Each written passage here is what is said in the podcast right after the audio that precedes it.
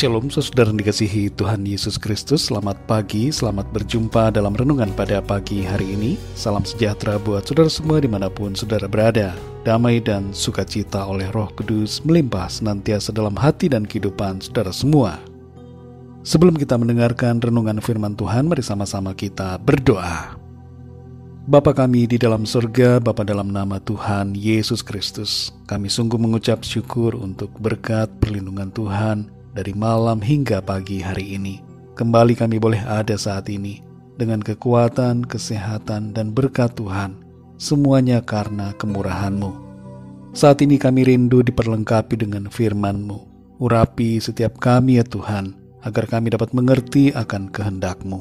Dalam nama Tuhan Yesus kami berdoa. Haleluya. Amin. Saudara dikasih Tuhan, pembacaan Alkitab kita pada saat ini terdapat dalam Injil Markus pasal yang ke-13. Saudara dapat membacanya secara pribadi setelah mendengarkan renungan ini. Saya akan membaca Markus 13 ayat 37. Tertulis demikian. Apa yang kukatakan kepada kamu, kukatakan kepada semua orang. Berjaga-jagalah. Saudara yang dikasih Tuhan, Kedatangan Tuhan Yesus yang kedua kali tidak ada yang tahu kapan terjadi. Namun hal itu merupakan sebuah janji yang pasti yang telah dinyatakan melalui berbagai nubuatan, pernyataan, dan pewahyuan. Perintah berjaga-jaga ini ditujukan bukan hanya untuk 12 orang muridnya pada waktu itu, bukan juga hanya untuk orang-orang yang ada di sekitarnya tapi dengan begitu jelas, perintah ini Tuhan Yesus nyatakan untuk semua orang, dan itu termasuk kita yang hidup hari ini. Ada faktor yang membuat pesan ini begitu penting dan perlu kita lakukan, yaitu faktor keteledoran, kelalaian, keterlenaan, dan ketidakpercayaan. Mengapa demikian, saudara?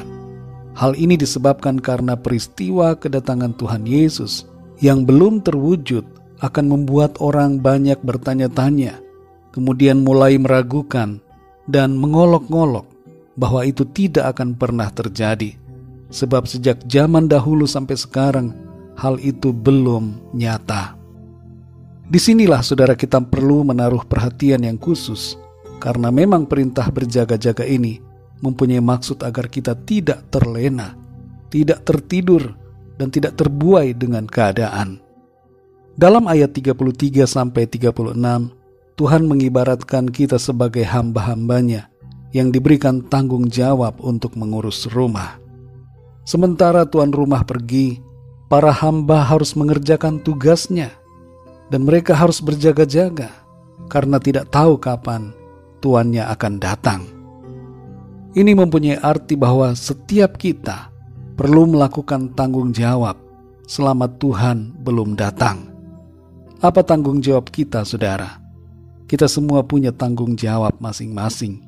Yang pertama adalah tanggung jawab untuk hidup seturut dengan firman Tuhan. Yang kedua, tanggung jawab untuk melayani Tuhan dan sesama. Dan yang ketiga, tanggung jawab untuk mengerjakan visi panggilan Tuhan selama kita hidup di bumi ini. Seringkali seorang hamba yang ditinggal tuannya justru tidak melakukan apa yang menjadi tugasnya. Ia malah asik dengan dirinya sendiri, berleha-leha, tidak menjalankan kewajibannya, dan merasa bahwa tuannya tidak akan memergokinya bila ia hanya bersantai-santai dan tidak bekerja. Ada banyak orang yang berpandangan, kalau masih muda, hiduplah suka-suka sendiri. Nanti kalau sudah tua, baru mencari Tuhan. Mereka menyangka bahwa kiamat belum akan terjadi, padahal kiamat kecil bisa terjadi kapan saja. Ingatlah orang kaya yang ada dalam perumpamaan Tuhan Yesus yang diambil nyawanya saat ia tidak siap dan tidak berjaga-jaga. Biarlah kita semua menjadi orang yang bijak dan selalu berjaga-jaga, sehingga kita siap kapan saja. Saudara yang dikasih Tuhan, ada banyak peristiwa yang menandakan kedatangan Tuhan Yesus, dan sebagian besar dari itu diungkapkan dalam ayat-ayat di pasal ini. tanda-tanda kedatangannya sudah begitu nyata.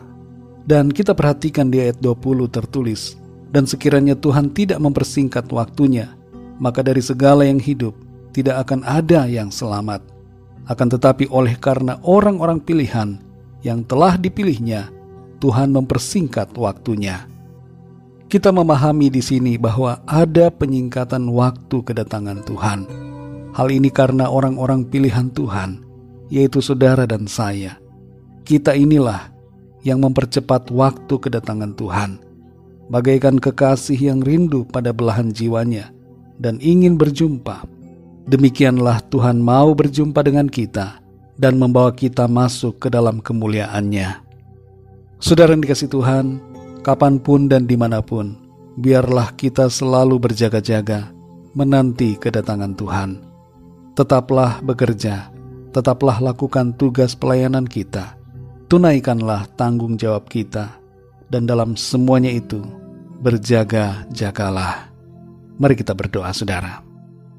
Bapa kami yang di sorga, Bapa dalam nama Tuhan Yesus Kristus, kami bersyukur untuk firman-Mu yang sudah kami dengar pada saat ini, yang mengingatkan setiap kami untuk berjaga-jaga, sebab pesan firman-Mu bukan hanya untuk orang-orang yang hidup di masa lalu, tapi bagi setiap kami yang hidup sekarang ini, dan bagi semua orang, pesanmu bagi kami adalah agar kami berjaga-jaga.